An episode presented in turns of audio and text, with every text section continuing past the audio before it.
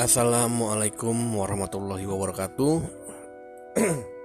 Balik lagi, ketemu lagi Sama saya Arif Dalam podcast 1001 Kisah.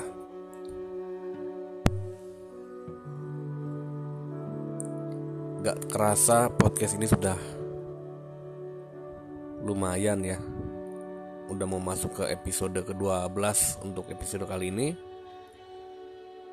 saya akan melanjutkan lagi membacakan kisah-kisah dari Nabi.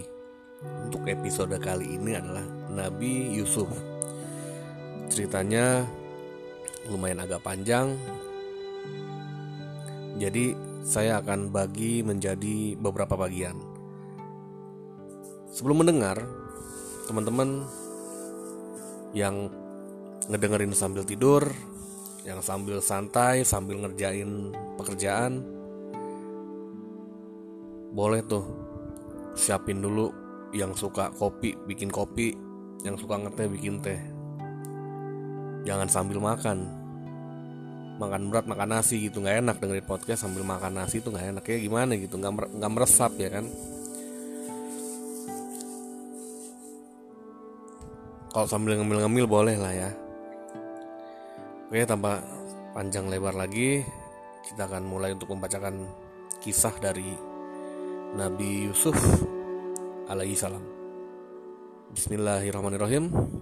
Selamat mendengarkan.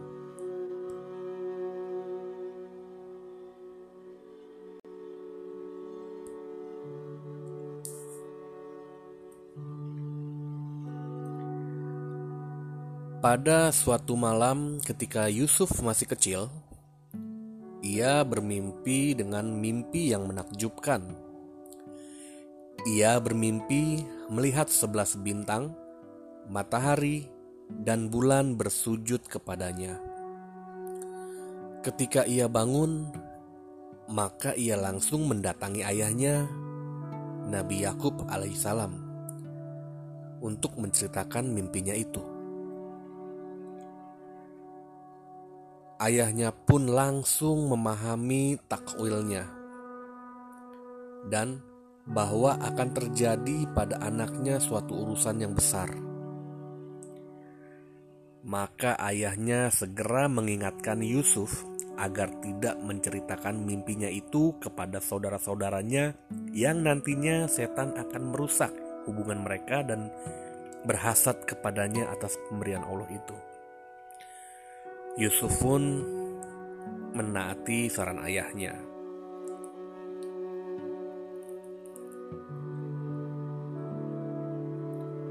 Nabi Yakub alaihissalam sangat sayang kepada Yusuf sehingga membuat saudara-saudaranya ini merasa iri dengannya.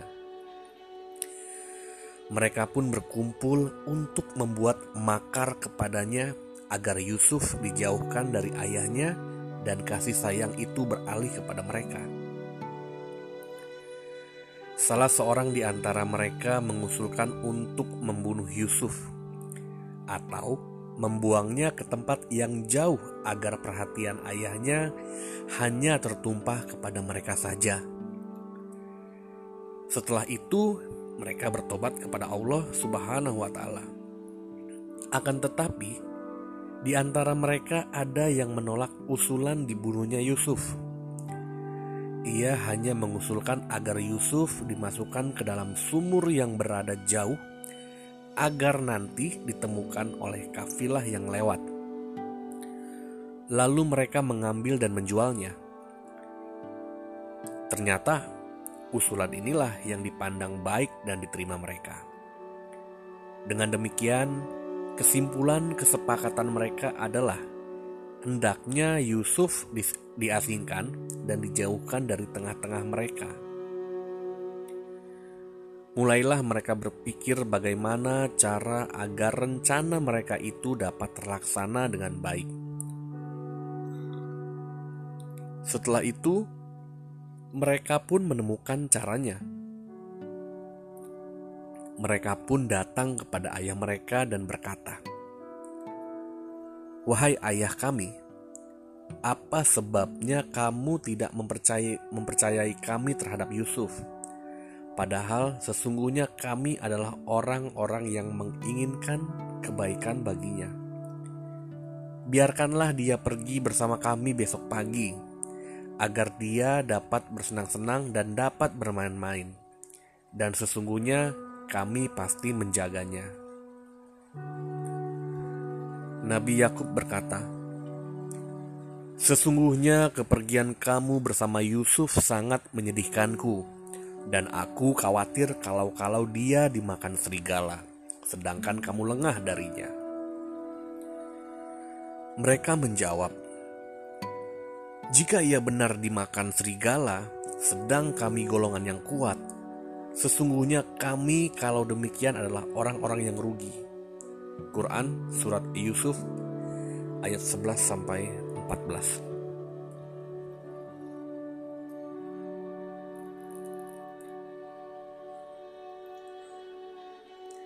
Maka pada pagi hari mereka keluar membawa Yusuf ke gurun sambil menggembala kambing-kambing mereka.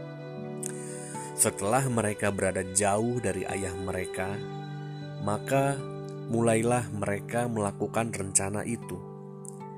Mereka berjalan hingga tiba di sumur, lalu mereka melepas baju Yusuf dan melempar Yusuf ke dalamnya.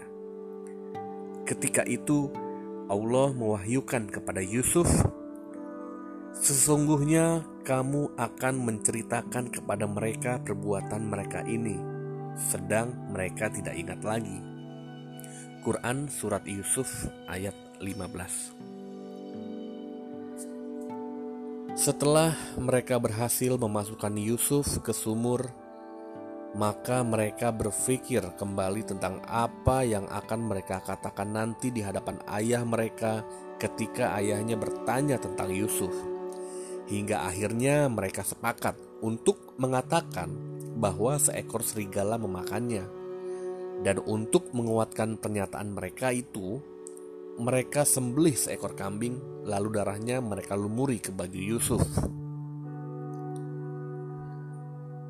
Di malam hari, mereka pulang menemui ayahnya dalam keadaan pura-pura menangis. Nabi Yakub pun melihat mereka dan ternyata Yusuf tidak ada di tengah-tengah mereka. Lalu mereka memberitahukan secara dusta bahwa ketika mereka pergi untuk berlomba-lomba dan mereka tinggalkan Yusuf di dekat barang-barangnya, lalu Yusuf dimakan serigala. Selanjutnya, mereka mengeluarkan gamisnya yang berlumuran darah untuk menguatkan pernyataan mereka.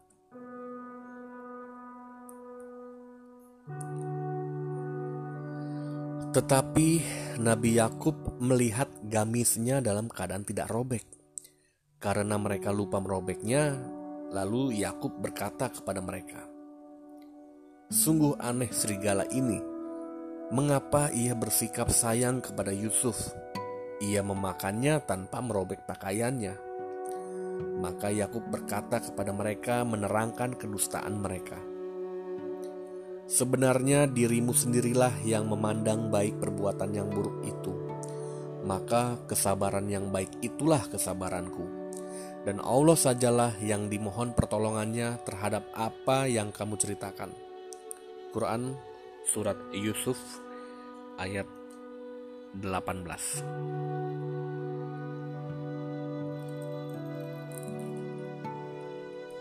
Adapun Yusuf maka ia tetap berada dalam sumur menunggu adanya orang yang mau menolongnya. Ketika ia dalam keadaan demikian, tiba-tiba datang sebuah kafilah yang hendak menuju Mesir. Lalu mereka ingin menambahkan persediaan mereka. Kemudian mereka mengutus salah seorang dari mereka ke sumur untuk membawakan air. Ketika ia menurunkan timbanya, maka Yusuf bergantung kepadanya. Lalu orang itu melihat ke isi sumur, ternyata dilihatnya seorang anak muda yang tampan berpegangan dengannya. Orang ini pun merasa senang dan memberitahukan kepada kawan-kawannya yang lain. Lalu mereka mengeluarkan Yusuf dan membawanya bersama um, maaf. Lalu mereka mengeluarkan Yusuf dan membawanya bersama mereka menuju Mesir untuk dijual. Pada suatu hari, Al-Aziz berkeliling di pasar untuk membeli seorang anak buat dirinya karena ia tidak punya anak. Kemudian, kafilah itu menawarkan Yusuf kepadanya. Lalu Raja Al-Aziz membelinya dengan harga beberapa dirham saja. Kemudian, Al-Aziz pulang ke istrinya dalam keadaan senang karena membeli seorang anak. Ia juga menyuruh istrinya memuliakan anak tersebut dan berbuat baik kepadanya. Mungkin saja ia dapat bermanfaat bagi keduanya atau dijadikan sebagai anak angkat. Demikianlah Allah memberikan kekuasaan kepada Yusuf di bumi sehingga ia hidup di bawah kasih sayang Al-Aziz dan pengurusannya.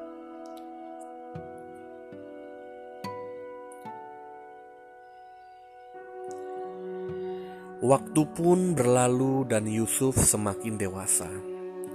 Ia tumbuh sebagai pemuda yang kuat dan sangat tampan. Istri Al-Aziz selalu memperhatikan Yusuf setiap harinya dan tertarik kepadanya. Mulailah ia menampakkan rasa sukanya melalui isyarat dan sindiran. Tetapi Yusuf berpaling darinya dan tidak peduli terhadapnya.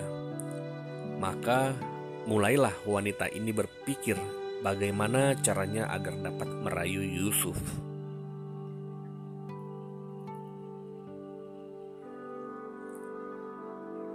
Suatu hari, Ketika suaminya pergi meninggalkan istana, istrinya memanfaatkan kesempatan itu. Ia berhias dan memakai pakaian yang indah, mengunci pintu rumahnya, dan mengajak Yusuf untuk masuk ke kamarnya, serta memintanya melakukan perbuatan keji dengannya. Akan tetapi, Nabi Yusuf alaihissalam dengan sifat ifah Ifah ini adalah menjaga diri dan sucinya menolak ajakannya. Ia berkata, Aku berlindung kepada Allah, sungguh Tuanku telah memperlakukan aku dengan baik. Sesungguhnya orang-orang yang zalim tidak akan beruntung. Quran Surat Yusuf ayat 23 Lalu Yusuf segera pergi menuju pintu untuk keluar dari tempat itu. Namun, istri Al-Aziz tidak menyia-nyiakan kesempatan itu. Ia segera menarik Yusuf dari belakang untuk menghalanginya keluar dan menahan gamisnya hingga robek. Tiba-tiba, suaminya, yaitu Al-Aziz, pulang. Saat itu, Al-Aziz adalah menteri di Mesir. Suasana pun semakin kritis. Istri Al-Aziz segera meloloskan diri dari keadaan kritis itu di hadapan suaminya dan menuduh Yusuf sebagai orang yang, yang hianat serta berupaya menzoliminya. Ia pun berkata, ia pun berkata kepada suaminya, Apakah pembalasan terhadap orang yang bermaksud berbuat seorang maaf, apakah pembalasan terhadap orang yang bermaksud berbuat serong dengan istrimu selain dipenjarakan atau dihukum dengan azab yang pedih? Quran Surat Yusuf ayat 25 Terhadap tuduhan itu, Nabi Yusuf segera membela diri dan berkata, Dialah yang merayu diriku. Maka Suaminya meminta penyelesaian kepada salah seorang keluarganya. Lalu anggota keluarga itu berkata tanpa ragu, "Lihatlah, jika baju gamisnya koyak di depan, maka wanita itu benar, dan Yusuf termasuk orang-orang yang dusta. Dan jika baju gamisnya koyak di belakang, maka wanita itulah yang dusta." Dan Yusuf termasuk orang-orang yang benar. Quran surat Yusuf ayat 26 sampai 27. Lalu suaminya menoleh kepada istrinya dan berkata kepadanya, Sesungguhnya kejadian itu adalah di antara tipu daya kamu. Sesungguhnya tipu daya kamu adalah besar. Quran Surat Yusuf ayat 28 Selanjutnya, Al-Aziz meminta Yusuf untuk membiarkan masalah ini dan tidak membicarakannya di depan seorang pun Lalu suaminya meminta istrinya meminta ampun kepada Allah atas dosa dan kesalahannya. Penduduk Mesir, meskipun mereka menyembah patung, namun mereka tahu bahwa yang dapat mengampuni dan menyiksa hanyalah Allah Subhanahu wa Ta'ala. Oleh karenanya, Al-Aziz menyuruh istrinya meminta ampun kepada Allah Subhanahu wa Ta'ala.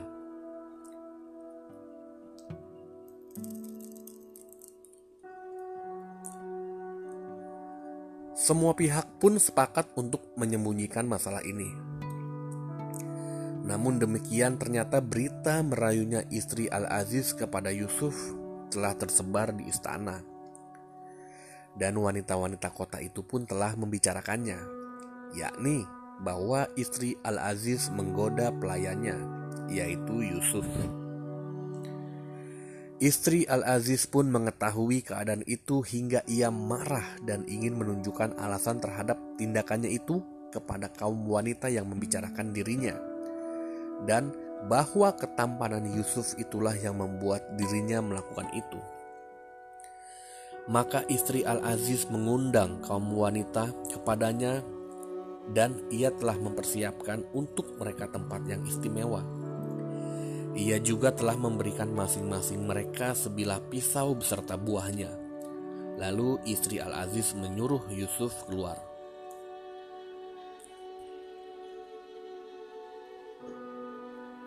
Yusuf pun keluar menuruti perintah majikannya. Maka ketika kaum wanita melihatnya, mereka semua terpesona dengan ketampanannya dan tanpa sadar mereka melukai tangan mereka dengan pisau. Sampai-sampai mereka semua mengira bahwa Yusuf adalah seorang malaikat. Istri Al-Aziz pun berkata, Itulah orang yang kamu cela aku karena tertarik kepadanya. Dan sesungguhnya aku telah menggodanya untuk menundukkan dirinya kepadaku. Akan tetapi dia menolak. Dan sesungguhnya jika dia tidak menaati apa yang aku perintahkan kepadanya, niscaya dia akan dipenjarakan dan dia akan termasuk orang-orang yang hina. Quran Surat Yusuf ayat 32 Maka kaum wanita pun menerima alasan istri Al-Aziz dan ketika Yusuf melihat keadaan seperti itu, ia berdoa, Wahai Tuhanku, penjara lebih lebih aku sukai daripada memenuhi ajakan mereka kepadaku. Dan jika tidak engkau hindarkan dariku tipu daya mereka, tentu aku akan cenderung untuk memenuhi keinginan mereka dan tentulah aku termasuk orang-orang yang bodoh. Quran Surat Yusuf ayat 33 Hampir saja terjadi fitnah di Madinah karena rasa cinta kaum wanita kepada Yusuf. Maka pihak berwenang memandang bahwa Yusuf perlu dipenjarakan sampai waktu tertentu. Mereka pun mereka pun memenjarakan Yusuf dan tinggallah Yusuf di penjara selama beberapa waktu. Dan ternyata ada pula dua orang yang masuk penjara bersamanya yang satu sebagai tukang roti, sedangkan yang satu lagi tukang pemberi minum raja. Keduanya melihat akhlak Nabi Yusuf yang begitu mulia dan ibadah yang dilakukannya yang mengagumkan, sehingga keduanya mendatangi Yusuf dan menceritakan mimpi keduanya kepada Yusuf, sebagaimana yang disebutkan Allah dalam kitabnya. Berkatalah salah seorang di antara keduanya, Sesungguhnya aku bermimpi bahwa aku memeras anggur. Dan yang lainnya berkata, Sesungguhnya aku bermimpi bahwa aku membawa roti di atas kepalaku, sebagiannya dimakan burung. Berikanlah kepada kami takwinnya. Sesungguhnya kami memandang kamu termasuk orang-orang yang pandai menakwilkan mimpi. Takwil ini mungkin tafsir ya, tafsir mimpi mungkin ya. Nah, tadi uh, itu adalah ada perkataan dua orang yang di penjara yang baru masuk tadi ada ada ada di Al-Qur'an di Quran surat Yusuf ayat 36. Maka Nabi Yusuf menafsir mimpi keduanya. Namun sebelumnya Nabi Yusuf mengajak mereka beriman kepada Allah Subhanahu wa taala. Beribadah kepadanya dan tidak menyekutukannya dengan sesuatu. Selanjutnya, ia menafsir mimpi mereka berdua, bahwa di antara mereka berdua ada yang akan keluar dari penjara dan kembali bekerja seperti semula, memberi minum kepada raja, sedangkan yang satu lagi akan disalib dan burung akan memakan kepalanya. Sebelum pemberi minum dikeluarkan dari penjara, Nabi Yusuf meminta kepadanya agar menyampaikan masalah dirinya kepada raja bahwa dia tidaklah bersalah dan bahwa dia dipenjara secara, secara zolim agar ia dimaafkan dan dikeluarkan dari penjara. Tetapi setan membuat tukang pemberi minum raja ini lupa tidak menyebutkan masalah Yusuf kepada raja sehingga Yusuf tetap tinggal di penjara beberapa tahun lamanya. Maka Berlalulah waktu dan terjadilah apa yang ditafsirkan Yusuf itu terhadap keduanya.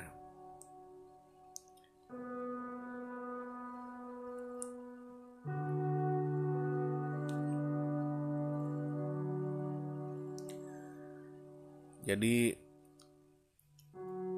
yang pelayan pemberi minum raja ini kan keluar keluar dari penjara bebas. Nah, Nabi Yusuf pesan sama pelayan tadi yang suka kasih minum raja, pelayan pemberi minum raja. Jadi Nabi Yusuf pesan buat kasih tahu ke raja kalau dia di penjara bukan karena dia, salah tapi dizolimi. Jadi dia masuk penjara karena dizolimi oleh istrinya Menteri Mesir, istrinya Al-Aziz. Tapi setan menghasut pemberi minum raja itu pelayan raja itu jadi pelayan raja ini lupa untuk memberikan informasinya kepada raja tentang kenapa Nabi Yusuf dipenjara.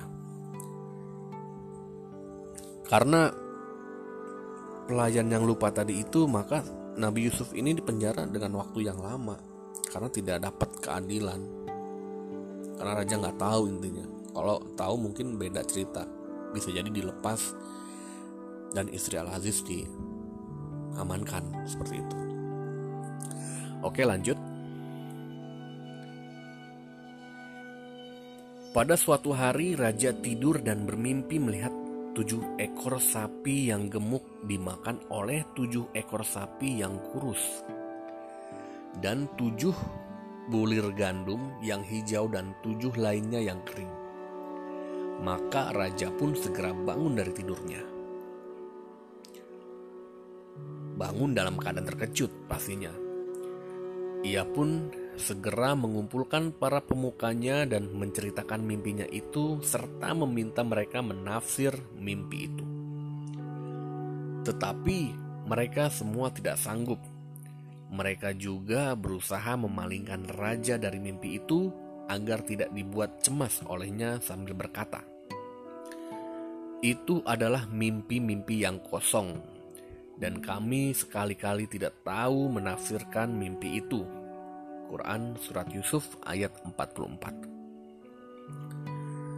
Meskipun demikian, Raja tetap gelisah atas mimpinya itu dan terus berusaha mengetahui maksud mimpinya. Hingga akhirnya tukang pemberi minum raja ingat dengan Nabi Yusuf dan meminta raja masuk ke dalam penjara untuk menemui Yusuf. Ketika itulah ia meminta Nabi Yusuf menafsir mimpi raja itu. Maka Yusuf menafsirkannya bahwa sapi yang gemuk dan tujuh bulir gandum itu adalah tujuh tahun di mana pada tahun itu penuh dengan kebaikan dan keberkahan. Nabi Yusuf alaihissalam tidak hanya menafsirkan mimpi, tetapi menawarkan cara terbaik bagi mereka dalam mengatasinya, yaitu mereka harus menyimpan hasil tanaman mereka untuk menghadapi tahun-tahun kemarau dengan cara membiarkan di bulirnya kecuali sedikit untuk dimakan sampai Allah akan membukakan kelapangan. Ketika tukang pemberi minum raja telah mengetahui tafsirnya, maka ia segera kembali ke raja dan memberitakan apa yang dikatakan Yusuf kepadanya. Maka raja pun bergembira sekali. Lalu raja bertanya tentang orang yang menafsir mimpinya itu. Maka tukang pemberi minum raja memberitahukannya, yaitu Yusuf. Mendengar jawabannya, maka raja segera meminta Yusuf dibawa ke hadapannya. Lalu, utusan raja segera menemui Yusuf dan menyuruh Yusuf mengikuti ajakan raja untuk menemuinya. Tetapi Yusuf menolak menemuinya sampai jelas kebersihan dirinya dan bahwa dirinya tidak bersalah. Agar raja mengetahui tentang apa yang terjadi pada kaum wanita di kota itu. Maka raja pun mengirim utusan untuk menemui istri Al-Aziz dan wanita-wanita lainnya serta bertanya kepada mereka tentang masalah Yusuf. Mereka pun mengakui kesalahan mereka serta menyatakan tobatnya. Mereka berkata, "Maha suci Allah, kami tidak mengetahui sesuatu keburukan darinya." Istri Al-Aziz juga menjelaskan kebersihan Yusuf di hadapan manusia.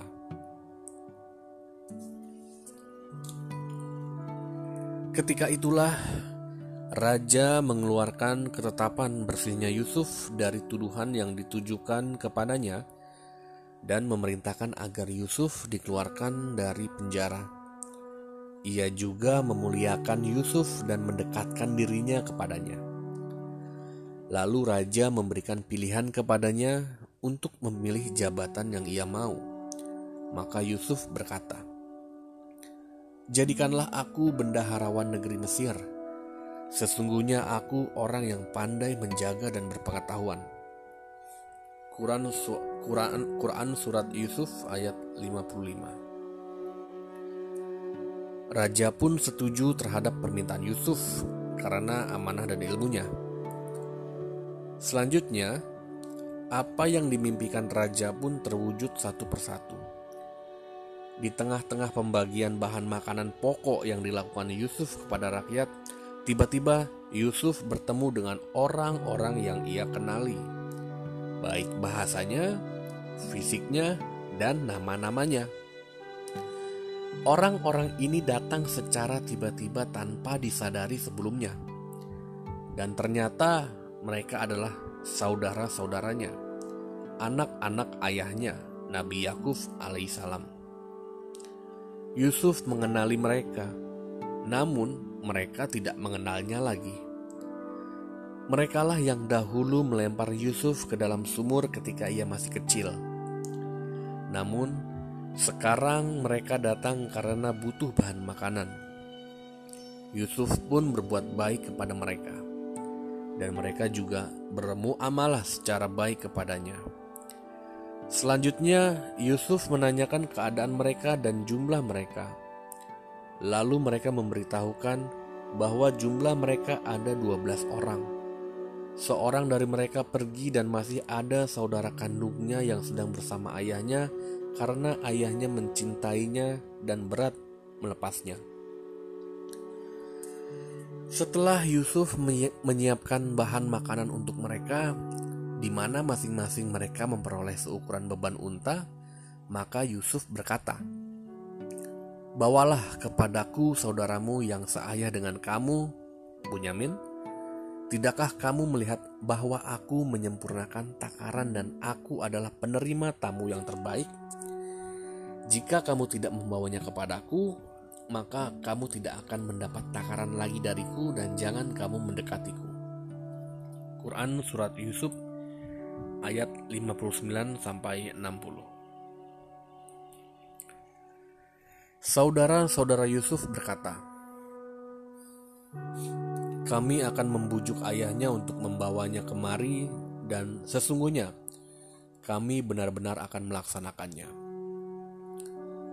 Lalu Yusuf memerintahkan para pelayannya untuk memasukkan barang-barang penukar kepunyaan mereka ke dalam karung-karung mereka, agar mereka mengetahuinya ketika mereka telah kembali kepada keluarganya yakni agar mereka mengembalikan barang-barang itu ke Mesir atau karena Yusuf khawatir nanti mereka tidak mendapatkan sesuatu untuk menukar lagi. Yang demikian dilakukan Yusuf agar mereka bersedia kembali lagi kepadanya. Kemudian saudara-saudara Yusuf pulang menemui ayah mereka sambil berkata, "Wahai ayah kami, kami tidak akan mendapatkan takaran gandum lagi jika tidak membawa saudara kami.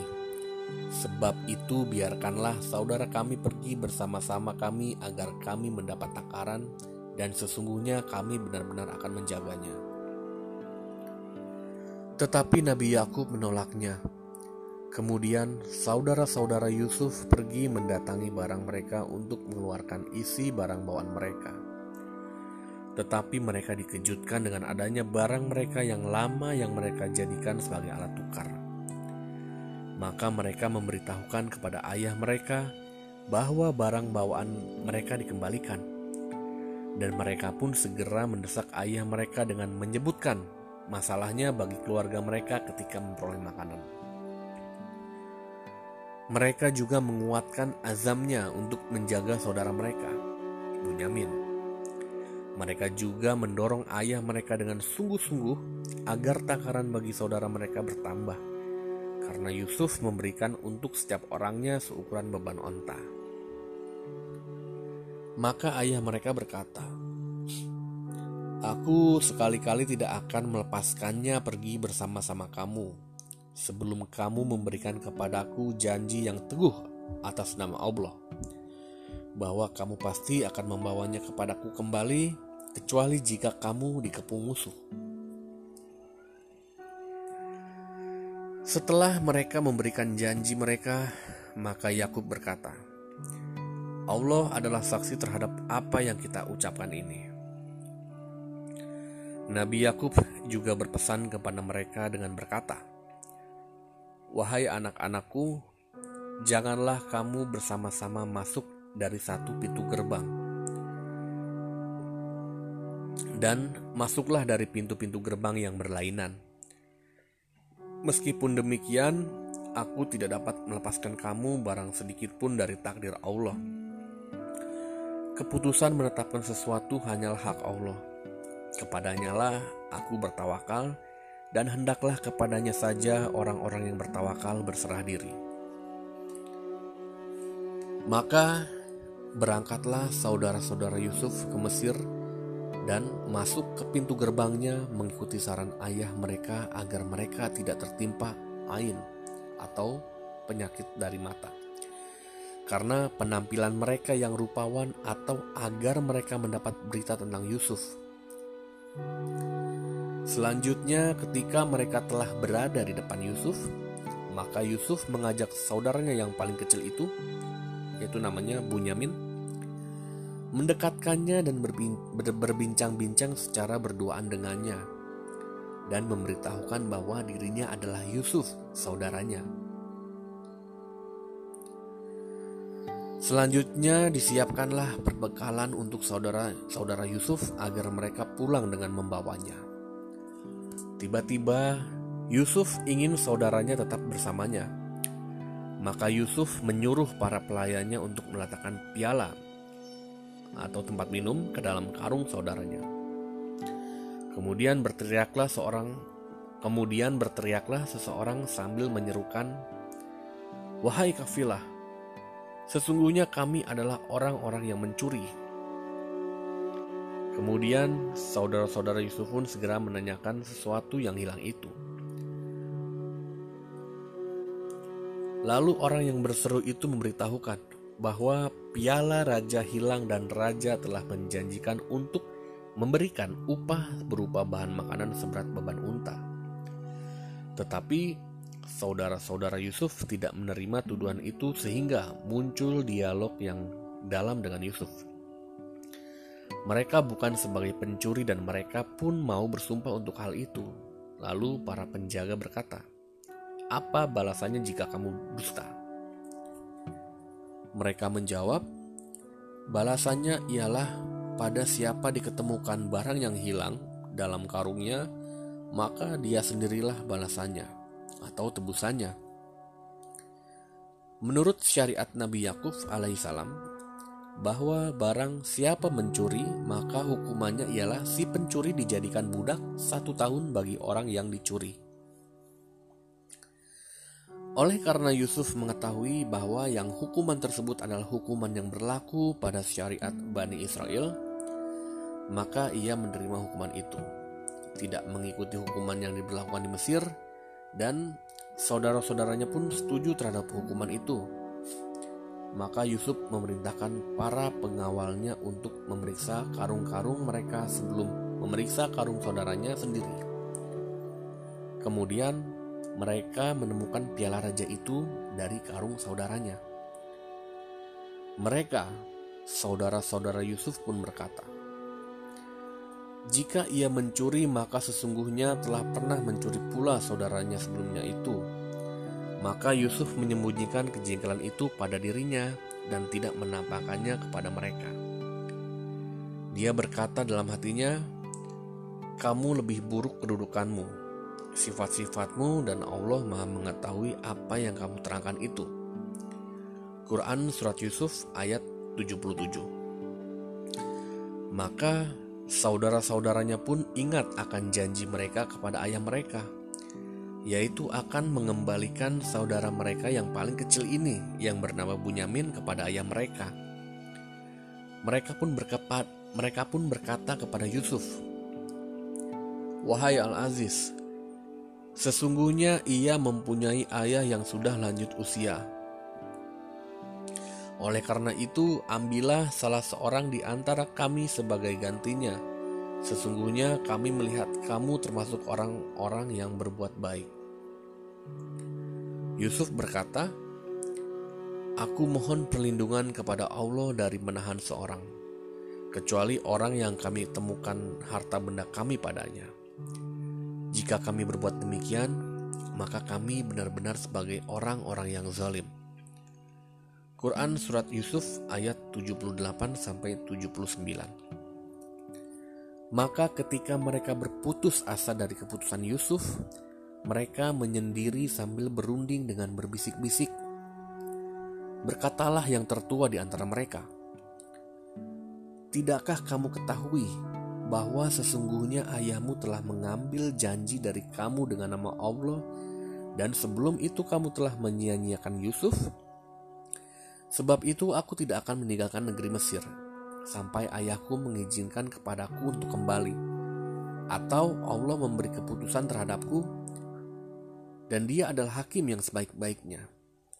Kembalilah kepada ayahmu dan katakanlah, Wahai ayah kami, Sesungguhnya anakmu telah mencuri, dan kami hanya menyaksikan apa yang kami ketahui, dan kami sekali-kali tidak dapat menjaga, mengetahui barang yang goib. Selanjutnya, jika ayah ragu-ragu, katakan kepadanya, dan tanyalah penduduk negeri yang kami berada di situ, dan kafilah yang kami datang bersamanya, dan sesungguhnya kami adalah orang-orang yang benar. Quran Surat Yusuf ayat 80 sampai 82. Ayah mereka Nabi Yakub menjawab, "Hanya dirimu sendirilah yang memandang baik perbuatan yang buruk itu. Maka kesabaran yang baik itulah kesabaranku. Mudah-mudahan Allah mendatangkan mereka semuanya kepadaku. Sesungguhnya Dialah yang Maha Mengetahui lagi Maha Bijaksana."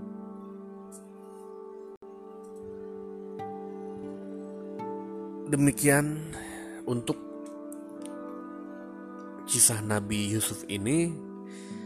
Saya akan stop sampai di sini dulu yang artinya adalah bersambung di bagian kedua. Karena kisahnya juga lumayan panjang jadi kalau langsung dibacakan satu episode selain durasinya terlalu lama saya juga capek ya ngap. Kalau baca itu sebenarnya asal kalian tahu ya kalau baca dengan pelan-pelan terus dengan panjang kata-katanya kalimatnya itu capek bro. Ngap. Cuman karena saya seneng senang membaca sedang bercerita seneng cuap-cuap depan teman-teman. Dan yang intinya insya Allah eh, membagi kisah-kisah Nabi yang mungkin teman-teman juga belum tahu atau hanya tahu sedikit-sedikit. Jadi saya senang untuk berbagi kisah ini. Walaupun capek ya manusiawi. Kita kalau bilang capek capek gitu kan. Nah untuk untuk bagian untuk eh, kisah Nabi Yusuf memang selesai di sini tapi akan dilanjutkan di episode berikutnya di bagian kedua. Sebentar saya minum dulu.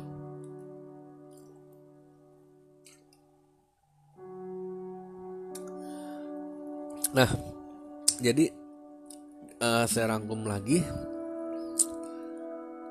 uh, biar mungkin biar saya sebutkan garis besarnya aja Nabi Yakub punya anak banyak sekitar 12 lebih ya atau ya 12-an lah yang tertulis. Anak yang paling disayang Nabi Yakub adalah Nabi Yusuf. Nah, karena Nabi Yakub ini sayang banget sama Nabi Yusuf, saudara-saudara Nabi Yusuf iri dan merencanakan untuk membunuh Nabi Yusuf. Cuman ada yang punya solusi jangan dibunuh tapi dibuang aja gitu, dibuang di sumur. Nanti kalau ada kafilah lewat diambil sama kafilah nanti bakal dibawa tuh ke Mesir, dijual tuh. Nah, akhirnya rencana itu terjadi uh, dan udah teman-teman udah denger ya untuk rencananya saudara-saudaranya Nabi Yusuf ini caranya gimana udah diceritakan di atas. Akhirnya ditangkap sama kafilah dibawa ke dibawa dibawa ke pasar mungkinnya pasar perbudakan. Dibelilah sama menteri Mesir. Tidak disebutkan dia menteri apa. Kalau di sini kan di Indonesia ada menteri banyak tuh menteri pertahanan menteri uh, kesehatan gitu kan. Tapi di kisah ini tidak disebutkan dia menteri apa. Yang pasti dia menjabat menteri di Mesir. Dibelilah sama Al Aziz dirawat sampai gede. Dan muncullah tuh kasus ya kan. Karena saking gantengnya istrinya Al Aziz ini suka dan merayu. Dan akhirnya Nabi Yusuf dipenjara dipenjara bisa tafsir akhirnya singkat cerita langsung ketemu Raja Mesir dijadikan Menteri Bendaharawan. Menteri Bendaharawan ya bendahara lah ya. Nah suatu ketika saat ada pembagian sembako ya kita kita simpelkan saja. Ada ada pembagian sembako dari Raja Mesir dari negara Mesir membagi sembako saat Nabi kan yang pegang uh, logistiknya yang pegang logistiknya itu kan Nabi Yusuf. Nah pas lagi bagi-bagi itu Nabi Yusuf ngelihat orang yang dikenal itu saudara-saudaranya. Datang semua saudaranya, cuman ada satu yang nggak nggak datang, yang nggak dilihat Nabi Yusuf. Saudaranya yaitu adiknya Nabi Yusuf yang paling kecil, namanya Bunyamin. Nah akhirnya Nabi Yusuf minta supaya Bunyamin datang. Kalau satu anak itu nggak datang nextnya keluarga Yakub ini anak-anaknya Nabi Yakub ini nggak akan dikasih jatah lagi. Di atas sembak sembakonya nggak dikasih lagi. Akhirnya datang dengan izin orang tuanya walaupun agak susah ya. Dulunya kan soalnya kan pas zamannya Nabi Yusuf awalnya kan saudara-saudaranya Nabi Yusuf minta ke ayahnya supaya diajak main Nabi Yusuf ini. Ternyata hilang diajak main hilang. Nah dalam kejadian ini Nabi Yakub nggak mau lagi dong terulang kembali tuh. Cia terulang kembali. Kata-katanya terulang kembali. Iyalah jadi Nabi Yakub nggak mau nih terulang kembali kalau si Bunyamin ini hilang lagi kayak Nabi Yusuf dulu. Cuman dirayu, ditegaskan dan berjanji demi Allah untuk tidak melakukan hal yang seperti dulu. Datanglah tuh dibolehin tuh sama Nabi Yakub akhirnya datang ke Mesir. Nah, Nabi Yusuf lihat adiknya Bunyamin. Nabi Yusuf Nabi Yusuf pengen Bunyamin ini tinggal di Mesir. Dan siasat Nabi Yusuf adalah menjadikan seolah-olah si Bunyamin ini mencuri. Jadi mencuri piala. Kalau piala itu kayak kayak tempat minum ya, ibarat bukan piala yang bukan piala yang buat ini ya kompetisi juara bukan. Jadi namanya piala tapi di situ kayak gelas atau cangkir pada zaman itu. Nah jadi zaman zaman di Mesir itu di Bani Israel ada hukum yang kalau ada orang yang ketahuan mencuri sesuatu dari raja maka dia akan tinggal satu tahun menjadi budak dari orang yang dicuri.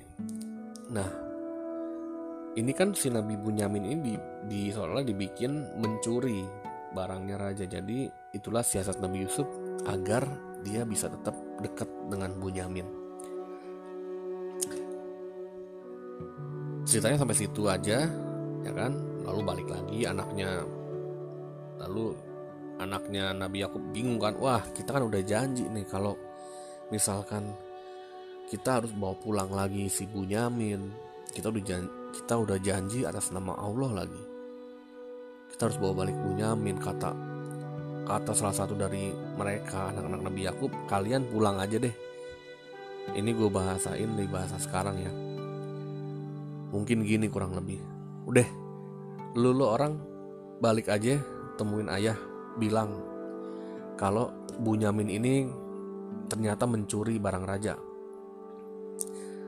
Karena gue udah janji sama ayah dan gue udah janji atas nama Allah gue bakal tetap di, ne di negeri Mesir ini sampai bener-bener bisa bawa balik Yusuf atau ayah yang ngizinin gue balik atau ada pertolongan dari Allah.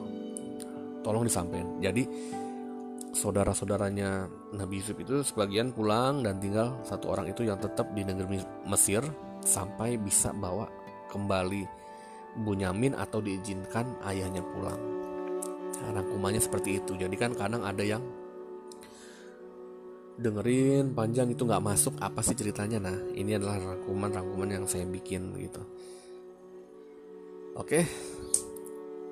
Terlalu banyak ya kesimpulannya. Insya Allah mudah-mudahan bisa dipahami eh, apa yang saya bacakan barusan kisah dari Nabi Sulaiman. Dan ini masih di bagian pertama kisah Nabi Sulaiman belum berakhir. Insya Allah kalau ada umur panjang, sehat terus, saya akan lanjutkan kisah Nabi Sulaiman di bagian kedua ya. Insya Allah uh, dalam waktu dekat saya akan lanjutkan kisahnya. Saya suka kisahnya agak panjang, panjang tapi enak gitu alurnya gitu kan dari kisah-kisah Nabi yang sudah saya bacakan dari episode 2 dari episode 2 sampai ini Nabi Yusuf nih lumayan panjang asik tapi asik oke jangan lupa bantu share podcast 1001 kisah dan follow instagramnya di seribu di seribu titik kisah bantu share biar teman-teman yang lain juga tahu info dan kisah-kisah Nabi. Semoga bermanfaat. Saya Arif, pamit undur diri. Assalamualaikum warahmatullahi wabarakatuh.